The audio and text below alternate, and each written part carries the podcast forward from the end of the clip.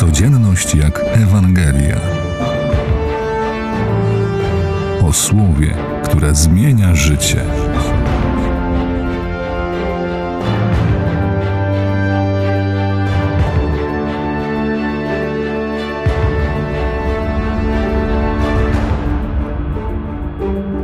Wybieramy się do Kany Galilejskiej wraz z Jezusem i jego matką Maryją.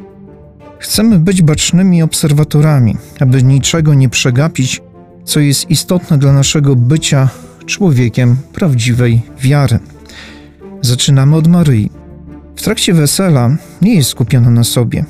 Nie ma oczu wbitych w talerz, ale syci swój wzrok tym, co się dzieje.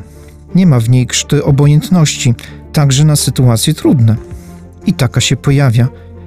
Zauważa poważny problem – nie mają wina. Wbrew pozorom, w tej kulturze i przy takim wydarzeniu to naprawdę dość poważny problem. W tamtych czasach nie było nocnych sklepów z uginającymi się półkami. Angażuje się bardzo szybko w jego rozwiązanie i jest to rozwiązanie bardzo skuteczne. A my?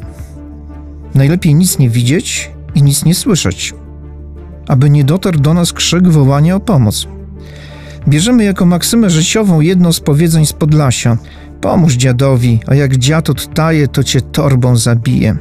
Do tego dochodzi zwykłe lenistwo. Pomoc drugiemu wymaga zaangażowania. To nie jest parę groszy rzucone na odczepnego żebrzącemu pod kościołem. I rzecz najważniejsza, a gdzie w tym wszystkim przykazanie miłości bliźniego? Uczniowie napełnili stągwie wodą ale jak zauważa ewangelista, napełnili je aż po brzegi. Co nam mówi ten prosty i wręcz niezauważalny fakt? Uczniowie idą na maksa. Nie kalkulują, że będzie za ciężko, nie napełniają stągwi wodą, aby było dla odczepnego.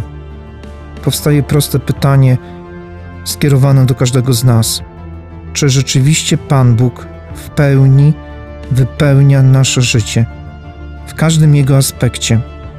A może jest tak, że dla Pana Boga jest to co najgorsze, ostatnie, ochłapy czasu, traktowanie Pana Boga po macoszemu. Spróbujmy choć trochę się zawstydzić. Bóg w stosunku do nas stosuje pełne rozwiązania. Odpuszcza wszystkie grzechy, a nie tylko część. Jeżeli uzdrawia, to w całości – jeżeli rozwiązuje problem, to do końca.